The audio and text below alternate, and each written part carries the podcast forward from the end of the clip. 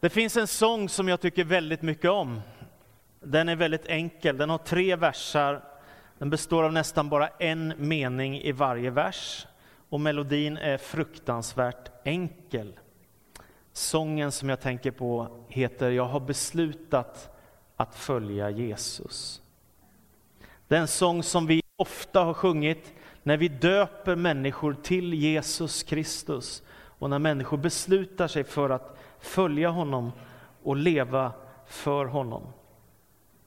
Men jag gissar att liksom jag, inte någon av er har en blekaste aning om vem som har skrivit den sången och varför. Och jag läste av en händelse precis om detta eh, här i veckan som gick nu. Bara som en händelse så fick jag tag på lite information om den här sången. Och jag tänkte jag ska berätta det för dig, för den gjorde den ännu mer värdefull för mig. Det finns en indisk predikant och författare som har det underbara namnet Perman Galam. Vad säger ni om det? Och så heter han Jobb i efternamn. Från Indien, han har skrivit en bok som heter Why God Why. Där berättar han att för 150 år sedan så uppstod en stor andlig väckelse i Wales i England, så att mängder av människor började söka Gud och kom till tro på Jesus Kristus och lämnade sina liv till honom. När det hade gått ett antal år så ledde det till att flera människor som kom till tro i den här tiden i Wales blev missionärer och upplevde en kallelse från Gud att gå till andra världsdelar och missionera och berätta om vem Jesus är och hans kärlek för andra människor. Så blev det. Ett antal av de här missionärerna kom till Indien. Och där skulle man berätta om Jesus i en miljö som inte var alldeles enkel, för där finns ju både hinduer och muslimer och många andra grupperingar också. Till den här gemenskapen, eller till den här bygden, så kommer man till en region som kallas för Assam. Och i den här regionen vid den här tiden fanns det hundratals olika stammar. Bland annat en stam av människor som var huvudjägare. Det vill säga de var ute efter människors huvuden och satt upp dem på pålar. Det var ganska saftigt. Dit kommer några missionärer ifrån Wales i England för att berätta om Jesus för de här människorna. De börjar sprida budskapet om kärlek, om frid, om hopp, om frälsning, om vem Jesus är. Men den här stammen säger ett kraftfullt och tydligt nej till budskapet om Jesus. Men det finns en av missionärerna som inte ger upp, utan han fortsätter att berätta om Jesus och evangelierna. Och till sist är det en familj som tar emot Jesus i den här huvudjägarstammen, som blir kristna. Och där börjar det, där tar det skruv. Så helt plötsligt så börjar andra familjer i den här ganska brutala, aggressiva huvudjägarstammen av människor komma till tro på Jesus. Till sist så blir hövdingen i stammen fruktansvärt upprörd, för han inser att hans stam håller på att förändras. Så att han kallar samman hela byn ställer fram alla människor som finns i byn och drar, släpar fram den här familjen som först kom till tro på Jesus Kristus som frälsare och lämnade sina hjärtan till honom. Och sen så säger han till dem att om idag, om ni inte avsäger er kristna tro så kommer ni att bli avrättade. Så det är det som han ställer dem inför. Bara så ni vet så vill jag att ni ska veta detta. Om ni inte avsäger er kristna tro så kommer ni att bli avrättade. Och då skriver doktor Per Mangalam Jobb, predikanten ifrån Indien, att det blir alldeles knäpptyst och ingen vet riktigt vad som ska hända. Och då börjar mannen i familjen sjunga. Jag vet inte om det var samma melodi som vi sjunger. Jag har beslutat att följa Jesus. Jag har beslutat att följa Jesus. Jag har beslutat att följa Jesus och aldrig mer tillbaka gå. Då ställer hövdingen en fråga igen. Avsäger du dig inte din tro så kommer du att bli avrättad. Då fortsätter han att sjunga. Om ingen följer med mig, if none go with me, så kommer jag ändå fortsätta. Still I will follow. Om ingen följer med så kommer jag ändå fortsätta följa Jesus och aldrig mer tillbaka gå. Och så händer det tragiska som har hänt i kristenhetens historia ett antal gånger, att de här människorna blir martyrer för sin tro på Jesus Kristus och blir avrättade eftersom de har tagit emot Jesus som Herre och Frälsare. Där skulle man kunna tänka att berättelsen slutar, att det var en väldigt sorglig historia. Men det slutar inte där, utan enligt den här författaren så händer något som ingen har kunnat tänka sig. Hövdingen i den här huvudjägarstammen börjar tänka, vad var det som gjorde att den här familjen ville betala ett så högt pris för sin tro på Jesus? Det måste finnas något här i den där storyn som de berättade. Så han börjar få ånger i sitt hjärta. Han börjar ångra vad han har gjort och han börjar längta efter det som de hade, berättelsen om Jesus. Så en dag, säger doktor Perham Galang, så samlar han ihop byn en gång till. Och så säger hövdingen inför alla människor, också jag tillhör Jesus Kristus. Så berättar den här författaren den här berättelsen. Sen sprids den här sången och man börjar sjunga den här sången runt om i Indien. Och när missionären från Wales som hade lett de här människorna till tro på Kristus kommer tillbaka så, så finns den här sången där och han, upp, han ser ju att hela byn har nu kommit till tro på Jesus Kristus. Dödandet har upphört. Fridsbudskapet och kärleksbudskapet om Jesus präglar nu den här byn. Ja, det är ju en fantastisk berättelse. Jag tänker det låter nästan för bra för att vara sant. Men den finns nedtecknad i en bok. Jag bara säger det. Eh, med tiden så kommer amerikanska missionärer till den här regionen av Indien. De får höra en sång som heter Jag har beslutat att följa Jesus. De tycker så mycket om den så de tar med den hem till USA. I USA finns det en predikant som heter Billy Graham som har predikat för mer än 200 miljoner människor. Och på sina stora kampanjer där tiotusentals människor är samlade för att höra evangeliet så blir det allt mer vanligt att efter han har predikat sitt budskap om Jesus så sjunger man efter hans predikan. Kanske direkt efter eller några sånger efter. Jag har beslutat att följa Jesus. Jag har beslutat att följa Jesus. Jag har beslutat att följa Jesus och aldrig mer tillbaka gå. Sen i Sverige så tog Lars-Erik Jansson den här sången hit. Han översatte den till svenska. Han var chef för Ibras missionsarbete under ett antal år. Och så länge jag kan minnas tillbaka har jag hört den här sången sjungas när människor döps i våra kyrkor runt om i Sverige. Jag har beslutat att följa Jesus. Om andra tvekar vill jag dock följa. Eh, jag följer korset och jag lämnar världen. Och så finns det en vers som inte är översatt och det är den som jag citerade också. Om alla andra, liksom, om ingen annan vill följa med så går jag i alla fall. Jag har beslutat att följa Jesus och aldrig mer tillbaka gå. Nu läser vi från Romarbrevet, det första kapitlet, vers 1 till vers 17. Romarbrevet kapitel 1 och 1 till 17. Från Paulus, Kristi Jesu tjänare, kallad till apostel, avdelad för att förkunna evangelium, som Gud har utlovat genom sina profeter i de heliga skrifterna. Evangeliet om hans son som till sin mänskliga härkomst var av Davids ett och genom sin andes helighet blev insatt som Guds son i makt och välde vid sin uppståndelse från de döda.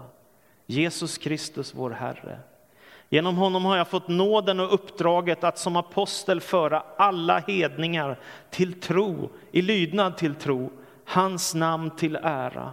Bland dessa är också ni kallade att tillhöra Jesus Kristus. Jag hälsar er, alla Guds älskade i Rom, kallade att vara hans heliga. Nåd och frid från Gud vår Fader och Herren Jesus Kristus. Först och främst, jag tackar alltid min Gud genom Jesus Kristus för er alla. Därför att man i hela världen talar om er tro. Gud som jag tjänar med min ande när jag förkunnar evangeliet om hans son kan vittna om jag ständigt nämner er i mina böner. Jag ber att jag äntligen ska få möjlighet att resa till er om det är Guds vilja. Ty jag längtar efter att få träffa er och dela med mig av Andens gåvor för att ni ska bli stärkta. Eller snarare, för att vi tillsammans ska få tröst genom vår gemensamma tro, er och min. Jag vill att ni ska veta, bröder, att jag ofta, fast det hittills alltid kommit något i vägen, har tänkt besöka er för att kunna skörda någon frukt bland er, liksom bland alla hedningar. Greker och barbarer, lärda och olärda, alla har jag skyldigheter mot. Därav min iver att förkunna evangeliet också för er i Rom. Jag skäms inte för evangeliet. Det är en Guds kraft som räddar var och en som tror, juden främst men också greken. I evangeliet uppenbaras nämligen en rättfärdighet från Gud genom tro till tro, som det står skrivet. Den rättfärdige ska leva genom tron. I centrum av det romerska imperiet, i världshuvudstaden Rom, som vid den här tiden var världens mittpunkt, den viktigaste platsen där kejsaren regerade. Där fanns en grupp av människor som hade gett sin lojalitet till Jesus Kristus. De hade gett sitt hjärta till honom. Och de var gripna av en vision om ett rike där livet är styrt av en annan slags makt än den onda makt som de kunde se omkring sig. Där kejsar Nero och andra kejsare förföljde människor, avrättade människor, gjorde människor till mar martyrer. De bekände Jesus som Herre. De vägrade ta del i avguderiet eller kejsardyrkan. De ville inte ha med ondskan att göra. De hade ett annat budskap, ett annat rike. Det handlade om Jesus Kristus och det riket handlade om kärlek, glädje, frid, hopp, frälsning, tålamod, himmel, allt detta som Gud har förberett. Och jag är verkligen överförtjust i Paulus sätt att hälsa till församlingen i Rom, de som har kommit till tro på Jesus. Det är så vackert. Jag hälsar er alla Guds älskade i Rom. Visst är det vackert? Jag hälsar er alla Guds älskade i Rom. Ni är kallade att tillhöra honom. Så vackert. Jag tänker att det kanske finns någon här idag, du har på ett särskilt sätt tvivel i ditt hjärta att Gud älskar dig. Då vill jag säga, jag hälsar dig, du kära vän i Karlstad. Du är en av Guds älskade, en av dem som han bär i sitt hjärta. Du är älskad utav skaparen av himmel och jord. Jag, jag, tror att vi alla här inne har varit förälskade någon gång. Och är det någon som har klarat sig, då är du en fantastisk människa. Men jag skulle tro att vi alla någon gång har varit förälskade eller blivit kära eller blivit så fångade av en annan människa att det börjar bulta här inne och svetten börjar lacka eller vad som nu händer med dig, jag vet inte. Men något är det som händer i oss och det har med kärleken att göra, att vi upptäcker att här finns något som är så starkt och så viktigt som påverkar hela mitt liv. Har du märkt det? Man kan dras till en annan människa som om det vore en magnet där. Man känner det i någon vänskap, eller det är en kärlek eller en blivande livskamrat eller vad det nu handlar om. Det är fantastiskt att bli älskad av en annan människa. Men tänk tanken att veta att du är älskad av Gud, på riktigt alltså.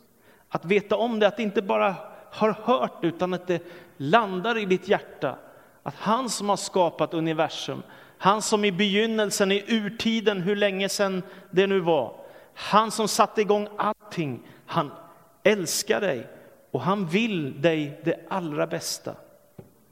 En del brottas med gudsbilden. Kan jag verkligen tro att Gud är god? Kan jag verkligen tro att han älskar mig? Hur är det med Gamla testamentet och straffen och allt det här? Ja, det står här. Gud älskar oss. Ni är Guds älskade, kära, kära vänner. Det är en stark upplevelse. När man läser grekiska så finns det fyra ord för kärlek. Det är inte så här fattigt som vi har, utan de har fyra olika ord för kärlek. Min fru kan uttala dem perfekt, det kan inte jag. Men de är fileo, eros, stergo och agapao. Fileo det betyder kärleksfull vänskap som man kan ha mellan varandra som vänner. Eros har med den sensuella, sexuella kärlekens gemenskap att göra. Det är det andra ordet. Det tredje ordet, stergoa, det handlar om kärleken mellan människor som står varandra nära. Släktingar, barn och föräldrar eller någon sån här stark gemenskap som det kan vara i en familj. Nya testamentet använder de orden ganska lite. Nya testamentets huvudord för kärlek är agapao eller agape, säger man på svenska, så ni förstår. Då har ni säkert hört det förut, några av er. Men det heter på grekiska agapi. Det är svårt med uttalen. De grekiska författarna, sångarna, poeterna, diktarna, de sjöng ofta om fileo, om eros, alltså den vänskapliga eller den sensuella sexuella kärleken. Det var ett vanligt ämne att dikta om, precis som i vår tid. Det är lätt att skriva en sång om kärlek, det är många som gör det, ibland också med smärta. Ingen sjöng om agape eller agapi. Ingen sjöng om det. Det finns bara ett enda ställe av alla antikens böcker på grekiska där ordet agape används. Och det är när det handlar om den gudomliga kärleken på ett ställe utanför Bibeln. Ingen annanstans finns det ordet mer nämnt. Så när Nya testamentets författare ska beskriva Guds kärlek och ta med ett ord som handlar om hans godhet och barmhärtighet och nåd, då använder de ett nästan helt oanvänt nytt ord om kärleken, 'Agapao', eller agape eller agape, så att du förstår vad jag säger. Bibeln har ett eget ord om kärlek. Visst är det fantastiskt? Det ordet som används i Nya testamentet, det har en oerhörd innerlighet. Det är den gudomliga kärleken som är utgivande, som är nästintill obegriplig eller vanvettig, som visar hur högt älskade vi är av Gud. Nya testamentets författare använder inte först och främst fileo, eros eller stergo, utan de hittar ett eget ord för att säga vad Guds kärlek handlar om, som bara är använt en gång i historien. Och så plockar de upp det ordet och så står det där gång på gång i Nya testamentet för att beskriva Guds ofattbara kärlek. Och då tänker jag så här att kärlek är inte en egenskap hos Gud. Nej, det står i Nya testamentet tre ord. Gud är kärlek. Är ni med? Gud är kärlek. Det står inte att han har kärlek. Det står att han är kärlek. Och det blir väldigt hoppfullt för mig och det blir väldigt ljust i gudsbilden. Jag förstår att man kan brottas och tvivla när man läser Gamla testamentet. Hur kunde Gud straffa? Varför hände det här? Varför blev det krig? Och, men jag tänker att det har ytterst i alla fall alltid med Guds frälsningsplan att göra. Han vill föra sitt folk till Israel och ibland blir det strider för att han ska kunna fullborda det som han har i sin frälsningsplan för att Jesus Messias ska kunna komma till världen för att frälsa oss. Därför uppstår det en del problem och stridigheter på vägen och en del sorg och tragedier. Men om man ska fråga sig i grund och botten vem Gud är, då måste man säga att Gud är kärlek.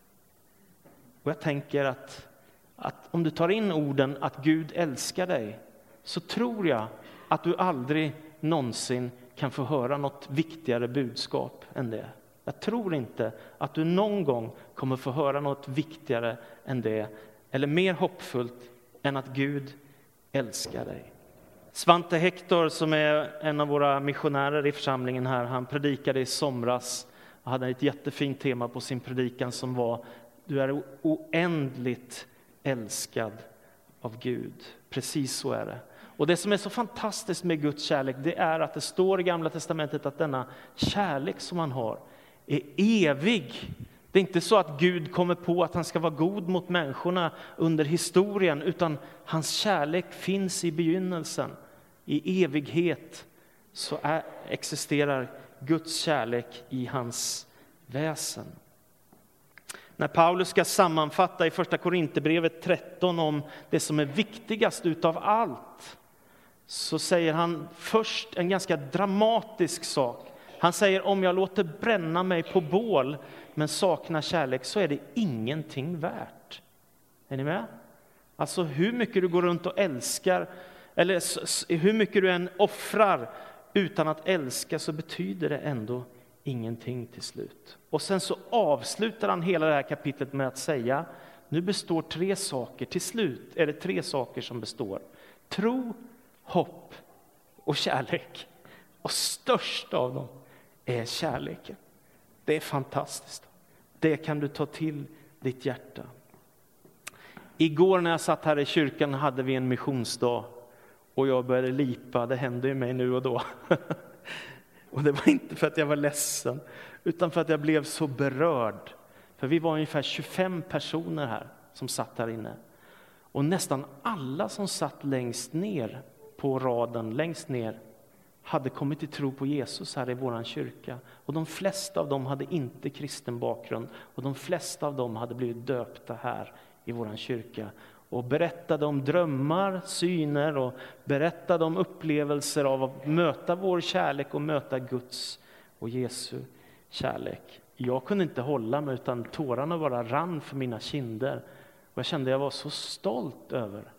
Också en del av de människor som var här igår som inte längre bor kvar i Karlstad men som fortfarande lever med Jesus och hans kärlek. Fantastiskt. Så att upptäcka vad detta handlar om, Guds ofattbara kärlek, det får en människa att vilja följa Jesus, leva med honom och vara del av hans rike och hans församling. Tillbaka till bibeltexten. Paulus, som tidigare varit en man som var fylld av hat. Det är det som är tragiskt med att en del människor går vilse när de ägnar sig åt andlighet. Man blir hatisk. Mer vilse än så kan man inte komma. Utan det som är målet och syftet är kärleken. Och då händer ju det fantastiska i Paulus liv att Jesus uppenbarar sig för honom och han får se Jesus efter hans uppståndelse från de döda och möter Jesus och får sitt liv förvandlat. Och därför så börjar han också predika om Jesus i synagoger, på torg och gator, bland hedningar och bland judar. Överallt så predikar han om Jesus. Och I den här texten som vi har läst idag så kan man hitta det som är den urkristna, allra äldsta trosbekännelsen. Den består av tre ord. Jesus är Herre. Jesus är Herre. Och det säger egentligen allt. Med det så sparkar han undan benen på alla filosofer som vill säga något som har med honom att göra, som är någonting annat. Med det sparkar han undan benen på religioner eller olika mänskliga försök att hitta Gud. Det är inte det som är vägen till Gud, utan det är Jesus Kristus som är Herre och han älskar alla människor. Att säga Jesus är Herre som en urkristen bekännelse, det är ett ganska starkt anspråk. Och man kan känna sig djupt ovärdig och misslyckad som människa. Om jag bekänner Jesus som Herre, hur kan mitt liv vara så mässigt som det Hur kan jag säga sådana saker som jag ibland gör? Hur kan jag tänka sådana saker som jag ibland gör? Hur kan jag bete mig som jag ibland gör? Om nu Jesus är Herre. Men jag tänker att detta är utmaningen att bli formad av Jesus, att låta hans kärlek och hans godhet och hans hjärta får påverka mitt vardagsliv i all sin skröplighet som det är. Och jag tänker att det fanns något i urkyrkan som var så starkt, så laddat av kärlek och kraft, att människor lämnade avguderiet för att bli kristna. Ni vet, när Paulus kommer till romarriket och det är fullt av avgudar och avgudabilder och statyer. Jag har sett dem på museum i Grekland och Italien och allt vad det är. Där står de, döda stenbilder av Zeus och Hermes och Afrodite. Död andlighet. Men Jesus Kristus lever och är uppstånden. Överallt har människor kommit till tro på honom, i alla världsdelar har människor mött Jesus. På bara några årtionden går urkyrkan från att vara en liten grupp till att ha tiotusentals medlemmar. En av de författare som jag har läst, som upptäckte Jesus när han var 21 år, han skriver så här. Jesus har inte bara förändrat hela min livsinriktning på ett sätt som jag omöjligen kunde föreställa mig när jag vid 21 års ålder först lärde känna honom. Utan jag har också allt efter åren gått mer och mer blivit övertygad om sanningen i hans vittnesbörd. Budskapet om Jesus Kristus, det är inte som ett reklamerbjudande som något man kan ha eller vara utan. Ni vet, det är lite tröttande med all reklam vi möter. Jag kommer ihåg när vi längtade efter att få reklam-tv, kommer ni ihåg det? Det var ett stort misstag. Man orkar inte med det nu för tiden och eh, titta på reklam, då vill man bara ha en paus. Men det är inte detta som Jesus står för, utan här finns en gudomlig kallelse att komma nära Gud. Här finns en kallelse som är synnerligen oklokt att avvisa, för då har du inte längre något hopp, säger Nya testamentet. Utan Jesus finns inget hopp. Världen har i grunden förändrats utifrån Jesu kors, lidande och hans uppståndelse ifrån de döda. Och jag säger som jag sa igår, inför korset kan man inte säga jaså, man kan bara säga ja eller nej. Det finns inga andra svar. Ja eller nej. Ja, Jesus, jag vill ha dig. Eller nej, Jesus, jag tänker klara mig själv. Jag lever utan dig. Det är de två svaren man ytterst sett kan ge. Jesus har kallat människor över hela världen med två enkla ord. Följ mig. Följ mig.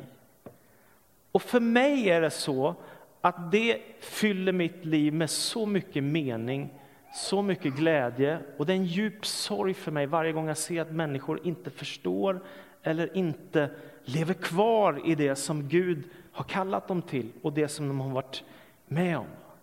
För tar man orden ”följ mig” på allvar så blir det stor skillnad i mitt liv. Det blir inte en börda att gå till kyrkan, det blir inte en börda att läsa Bibeln, det blir inte en börda att vittna om Jesus, det blir inte en börda att försöka leva ett kärleksfullt liv. Det blir en enda stor lycka och glädje att få följa honom som är Messias. När Paulus nu har dratt denna slutsats och han säger ni är Guds älskade i Rom och Gud har en plan med er.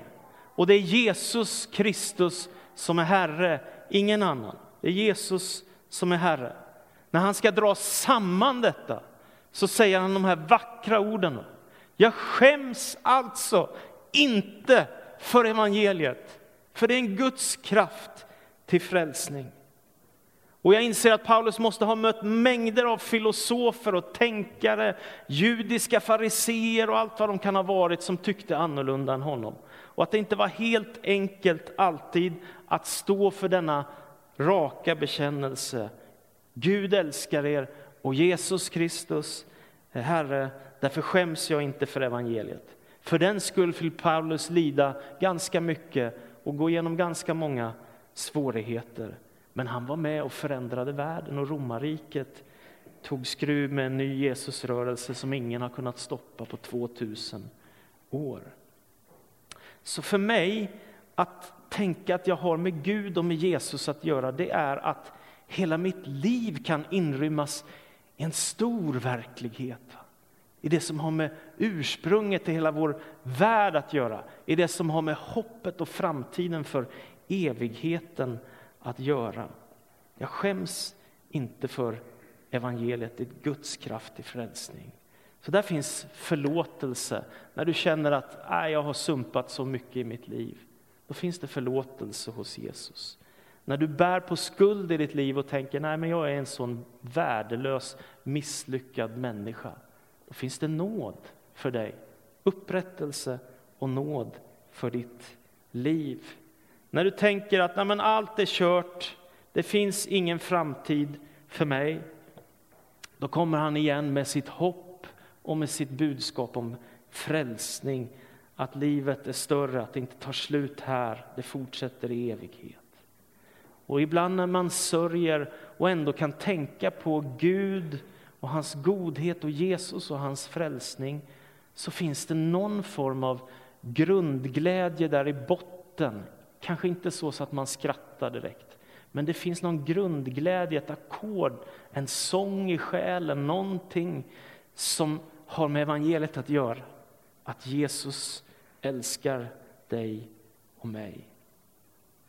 Den som har skrivit en, en av de skarpaste och finaste böcker om att följa Jesus, han hette Thomas av Kempis. Han levde för många hundra år sedan. Och lyssna på hans slutsats av vad det är att hitta Jesus eller mista Jesus. Den som finner Jesus finner en stor skatt som sannerligen är något gott framför allt annat gott. Och den som förlorar Jesus förlorar inte bara mycket, utan mer än hela världen. Och jag tror att han har rätt. Jag tror att han har rätt. Inte bara att han är någon romantisk kristen författare, utan jag tänker att finna Jesus är livets stora lycka. Att mista Jesus, det är att förlora det viktigaste som finns. Gud har inte lämnat världen sådan som den är och man kan i de här oroliga tiderna tänka, hur ska det gå? Hur ska det gå? Kärnvapen, liksom rustningar och kärnvapenprov och elände i världen. Då är det så oerhört skönt att tänka på att även om det ser mörkt ut ibland i vår värld, så har Gud historien i sin hand. Han har en plan för världen och en dag skall han upprätta sitt rike. Han har gett ett löfte om att Jesus ska komma tillbaka i makt, härlighet och ära och att hans rike ska segra över det onda. Och då står det att det ska bli som en ny skapelse. Det är något helt fantastiskt. I Romarbrevets åttonde kapitel och tjugonde vers så skriver Paulus allt skapat har lagt under tomhetens välde, inte av egen vilja utan på grund av honom som vållade det, alltså Adam. Men med hopp om att också skapelsen ska befrias ur sitt slaveri under förgängelsen och nå den frihet som Guds barn får när de förhärligas. Ibland ser det mörkt ut, men Gud har en plan för världen. Och han kommer en dag att göra slut på ondskan. Och det är ett sånt oerhört hoppfullt budskap. Att Gud inte släpper historien till sin gång, utan han ska besegra allt det onda. Det djävulska kommer en dag att fullständigt besegras. Och Jesus kommer att bli erkänd som Herre i hela världen. Det är Bibelns budskap. Och därför säger Paulus, därför är det så viktigt att du bekänner Jesus som Herre. Och så säger han i Romarbrevet 10 och 9, om du med din mun bekänner att Jesus Kristus är Herre och i ditt hjärta tror att Gud har uppväckt honom från de döda, då ska du bli räddad. Det är fantastiskt. Det är fantastiskt. Du inte bara har de här korta åren i ditt liv och försöker göra något bra, få till en semester och att gräset är grönt på tomten, utan det finns lite mer att leva för. Det är därför du ska fatta beslut att följa Jesus. Det är därför du ska komma tillbaka till Gud om du har tappat bort honom. Det är därför du ska döpa dig i vatten, för det har Jesus sagt att man ska göra. Bli del av en lokal församling. Försök leva som en lärjunge till Jesus i ordet och bönen. Att göra gott, att dela med dig av Jesus budskapet. Jag tänker att det är ett stort äventyr att följa Jesus. En dag fanns det en man som började sjunga på en sång. Och den sången heter Jag har beslutat att följa Jesus och aldrig mer tillbaka gå. Amen. Så ber jag dig Jesus Kristus att du skulle välsigna och möta med oss, Herre. Vi är bräckliga människor. Vi är syndare, frälsta av nåd eller syndare i behov av frälsning, Herre. Och du älskar oss och det är mitt, det är mitt livs stora hopp. Att jag får tillhöra den gruppen av de älskade. Inte de perfekta, för jag är operfekt som bara den. Men du är perfekt och fullkomlig och det är mitt hopp. Och därför så ber jag om din nåd över oss idag, Herre. Kom Jesus Kristus med din glädje, kom med din närvaro. Berör våra hjärtan. Så ber jag i Faderns och Sonens och den helige Andes namn. Amen.